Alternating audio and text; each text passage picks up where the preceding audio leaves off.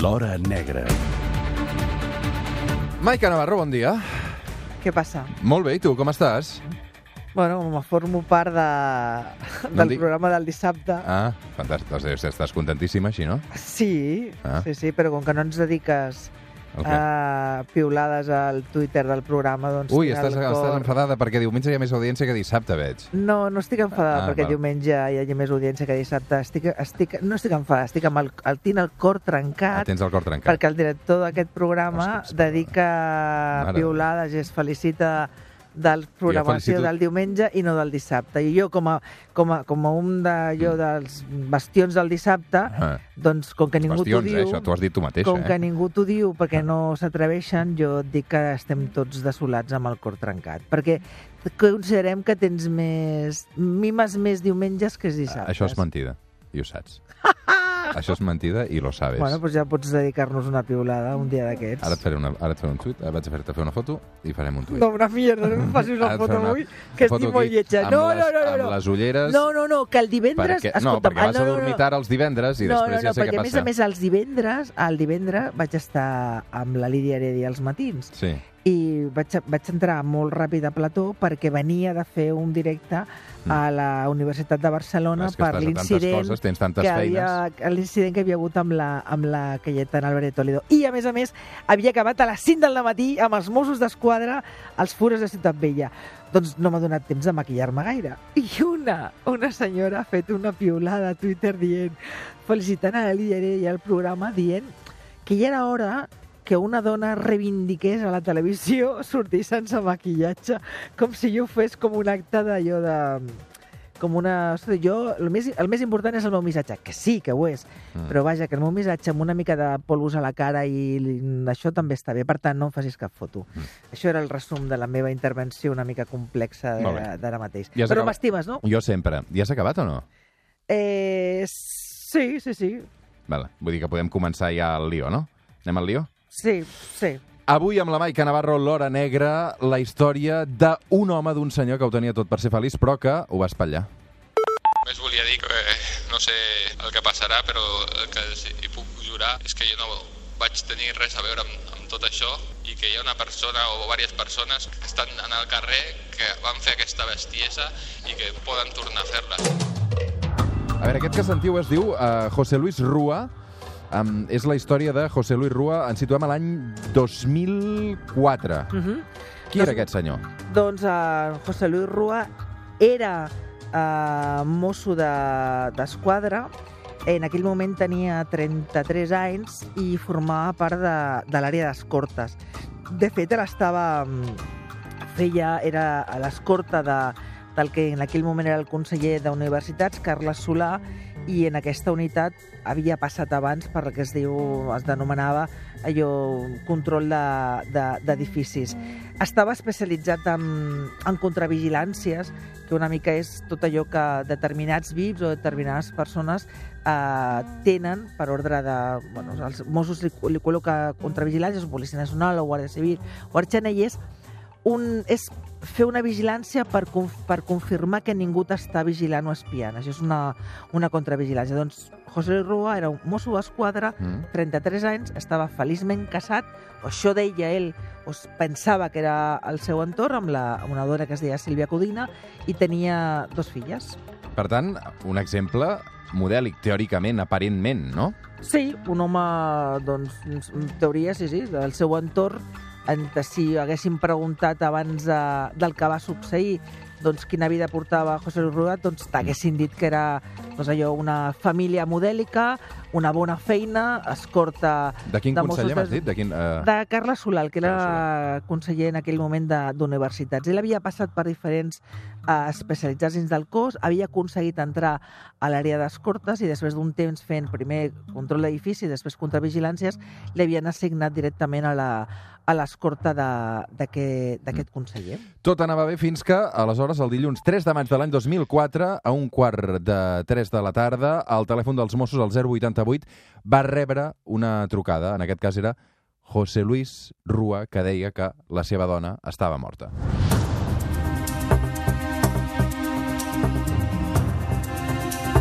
Els Mossos arriben a casa seva, a casa de José Luis Rua, i troben que la seva sogra també estava morta. Per tant, dos assassinats, la dona de José Luis Rua i la sogra. Sí, primer és aquesta trucada de, mateix, érem cap a pocs minuts abans de les 3 de la tarda, ell truca al 088 amb una veu molt desesperada que es vagi sentir al judici i comença a dir la meva dona està morta, la meva dona està morta, té molta sang, molta sang, la meva dona està morta. Arriben les primeres patrulles de, de, de l'àrea regional de Metropolitana Nord i es troben efectivament a, a la Sílvia Codina que estava allò eh, estirada a terra, boca, boca terrosa, eh, amb un replà i en un primer moment estava absolutament cosida a, a ganivetades. I el que troben, a més a més, és que mm, justament a pocs metres de, de l'entrada, encara amb la, amb la bossa de mà enganxada del braç, també estirada a terra i amb multitud de, de punyalades que finalment a l'autòpsia es van determinar que la Sílvia en tenia 13 i la seva mare en tenia, en tenia 10, doncs estava, estava la, la seva mare també, totes dues assassinades.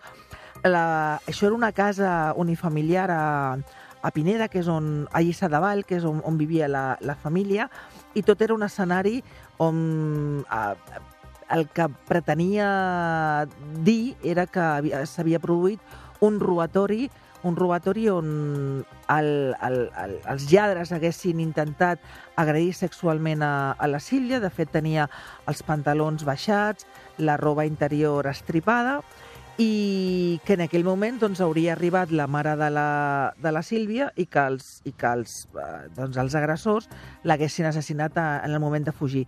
A més a més, havien regirat absolutament tot l'interior de la casa però tot i que tot estava regirat, no faltava res de, de valor. I fins i tot en, en el jardí de, havien, havia tot de seguit de, de, de joies i, i, i articles que s'havien anat llançant en el, en el jardí com marcant el camí on presumptament haurien fugit els lladres, que eren saltant una, una, una, una branca, mm. però, una tanca. Però era, tot estava com molt molt col·locat, saps? O sigui, era un escenari que quan van arribar... Havien preparat l'escena del crim. Sí, o sigui, els, quan va arribar el grup d'homicidis, el que va descobrir era que tot i que a primera vista era, podia ser raonable, amb una mirada més, més, més detinguda i més... Jo, per intentar analitzar millor l'escena, tot, no, hi havia coses que no s'ajustaven. La, com estava situats els objectes al terra, aquest camí tan marcat mm, fins a la valla, el fet de que ningú hagués vist a ningú entrar o sortir, perquè jo va ser a les du, dos quarts de tres del, de la tarda, amb una urbanització amb gent, i ningú, i cap càmera de seguretat de cap de les vivendes, ni d'entrada a la urbanització, ni d'entrada a, a Lliçà, havia marcat o havia gravat a cap vehicle en aquest temps que, fos, que no fos de la, de la zona. I, per tant, si no havia rastre de cap desconegut en aquell indret. En canvi, eh, el Llucet Ruiz Rua presentava una ferida a la mà i és veritat que a la porta d'accés, quan els Mossos es preguntaven per on han pogut entrar els lladres, i, i ell, la sentència va determinar, i els Mossos van, amb la seva investigació van determinar que ell havia donat un cop de puny al vidre hi havia, com a les pel·lícules, fots un cop de punt al, al vidre de la porta principal, per dins havia obert la porta, com simulant que havien entrat per allà els lladres. Els Mossos van determinar que el cop de punt l'havia fet de dins cap a fora, és a dir, els vidres estaven a la part de l'exterior de la casa i no a l'interior, que seria un dels, dels elements per indicar estic fora, vull entrar, dono un cop de puny a la, a la finestra i fico la mà mi, ho, com, com estava preparat, doncs ho havia fet al revés. Hi havia més detalls que l'incriminaven. Quan es va bellugar, quan la policia científica, ja un cop va arribar al jutge i es va fer l'aixecament dels cadàvers, la Sílvia Codina presentava a sota del cadàver es va trobar un rellotge de, de Josep Llurrua. D'ell? Ell, sí. Del marit? Del marit. Ell per intentar... Un rellotge d'aquests de, de pulsera? Sí, sí, un tag hour d'aquests que, que ell acostumava a portar sempre. Per tant, és estrany que sí. Bueno, primer que, que el seu rellotge estigui sota. I a part que... estava sota del cos enganxat a, a la part, a, a, un dels peus. I quan, quan em, eh, com intenta justificar ell el fet de que el seu rellotge estigui allà? Ell el que explica és que aquest rellotge tenia la, la, la tanca estava com avariada i que segurament eh, d'intentar, en el moment que arriba a la casa, d'intentar, a l'hora de tocar la dona i per comprovar que era morta, i intentar, intentar allò que... O sigui, aquests moments de tensió que tu la toques, doncs que segurament se l'havia caigut i no s'havia donat compte i que se li havia quedat a sota del cos. Bueno, era inverosímil i, de fet, Mossos, entre les múltiples proves que va fer, va ser mm, portar un pèrit que, que deia que aquest rellotge, la tanca estava perfectament i que era pràcticament impossible que, que, que les tanques d'aquesta marca específica de rellotge, que era especialment, no era mm, especialment barato, doncs s'obreixen amb aquesta facilitat. Perquè una cosa és, no només s'havia d'obrir la tanca, sinó a més a més s'havia de caure de la, de la mà. O sigui, aquest era un altre, dels elements que Mossos va posar sobre la taula. Avui al suplement amb la Maica Navarro la història del doble assassinat de José Luis Rua, un mosso d'esquadra que era escorta de la Generalitat de Catalunya.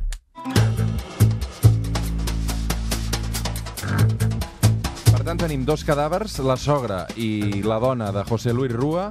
L'aixecament del cos, allà comença a sospitar tot plegat que José Luis Rua hi té alguna cosa a veure, eh, intenta fer veure que és un eh, robatori, però les peces no encaixen, hi ha un rellotge que està allà al mig, hi ha una ferida que... A la mà sospitosa. A la mà sospitosa. Hi ha un escenari, de, un escenari que, no, que no quadra. Molt bé, què passa al cap de quatre dies després de l'assassinat? Perquè suposo que um, també hi havia un enterrament pel mig, el José Luis Rua havia de, de la vegada gestionar la mort de dos familiars tan propers Sí, i de no. protegir-se, no? De fet, ell era els primers moments, o sigui, eren els seus companys, en aquest cas la, el grup d'homicidis de, la metropolitan, de la regió policial metropolitana nord, qui portava la investigació i ell es mostra absolutament col·laboratiu i comença a col·laborar amb els seus companys, com no pot ser d'una altra manera, comença a col·laborar i a preparar l'enterrament de la seva dona i de la seva sogra i, a- i agafa un paper doncs, de mm, viudo consternat i, a més a més, mm, trencat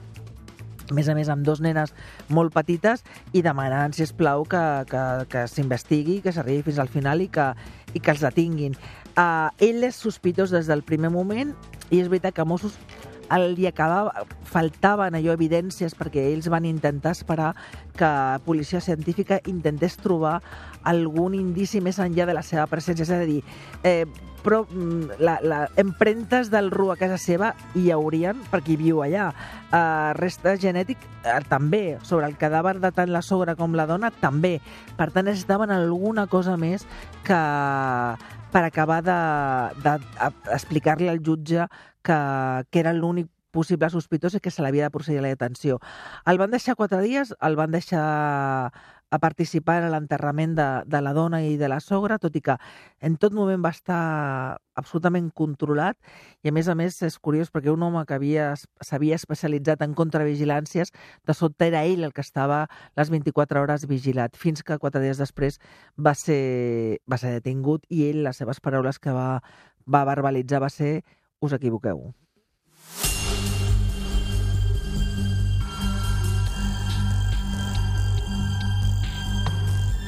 Confessat mai el crim? Mai. I, de fet, durant la fase d'instrucció, abans del judici, va quedar en llibertat. I davant d'aquesta llibertat, el que en aquell moment no era cap dels Mossos, però era responsable de la Divisió d'Investigació Criminal, en Josep Lluís Trapero, que en aquell moment era intendent, eh, va quedar en llibertat, eh, insisteixo, abans de, de la sessió del judici, ell va mantenir sempre, i a dia d'avui manté la seva innocència, i el Trapero va voler que fos una altra unitat d'investigació, no homicidis de la metropolitana nord, sinó el grup d'homicidis de la regió policial de Barcelona, qui tornés a agafar la instrucció, aga- tornés a agafar tot el sumari, comencés de zero i tornés a plantejar-se una altra investigació per veure si els seus companys ho havien fet bé. O sigui, davant les dubtes que, que, que l'audiència plantejava a l'hora de deixar-la en llibertat, tot i que mantenia la imputació, però en llibertat, va dir, escolta, agafeu la investigació, totes aquestes carpetes i les, re, les repasseu senceres. Això es fa, eh? O és, a vegades, i a més a més, és una cosa que jo crec que està molt bé que es faci. O sigui, un mateix cos policial o un altre cos policial agafa una mateixa investigació i comença de zero i repasses a veure on, quin altre camí podies haver agafat o si s'han deixat alguna cosa.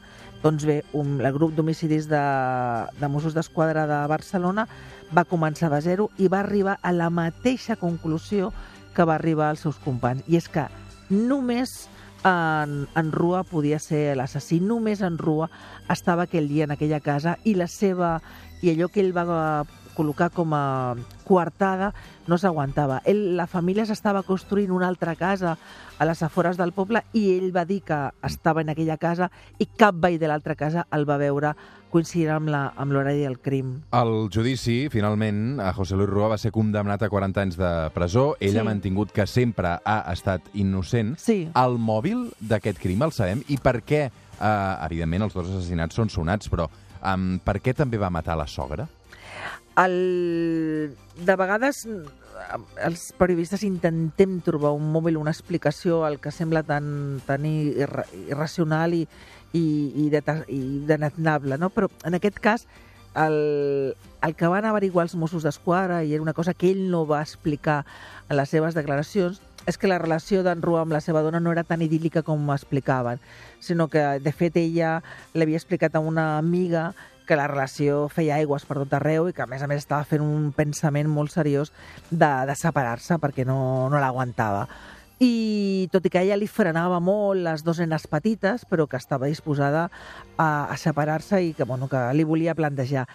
Aquell cap de setmana havien tingut una bronca monumental fins al punt de que ell dorm, fora, fo, dorm al sofà al menjador i els Mossos sempre van entendre que allò va ser una discussió que es va pujar de to i que ell amb un brot de violència doncs, la, va, la va assassinar.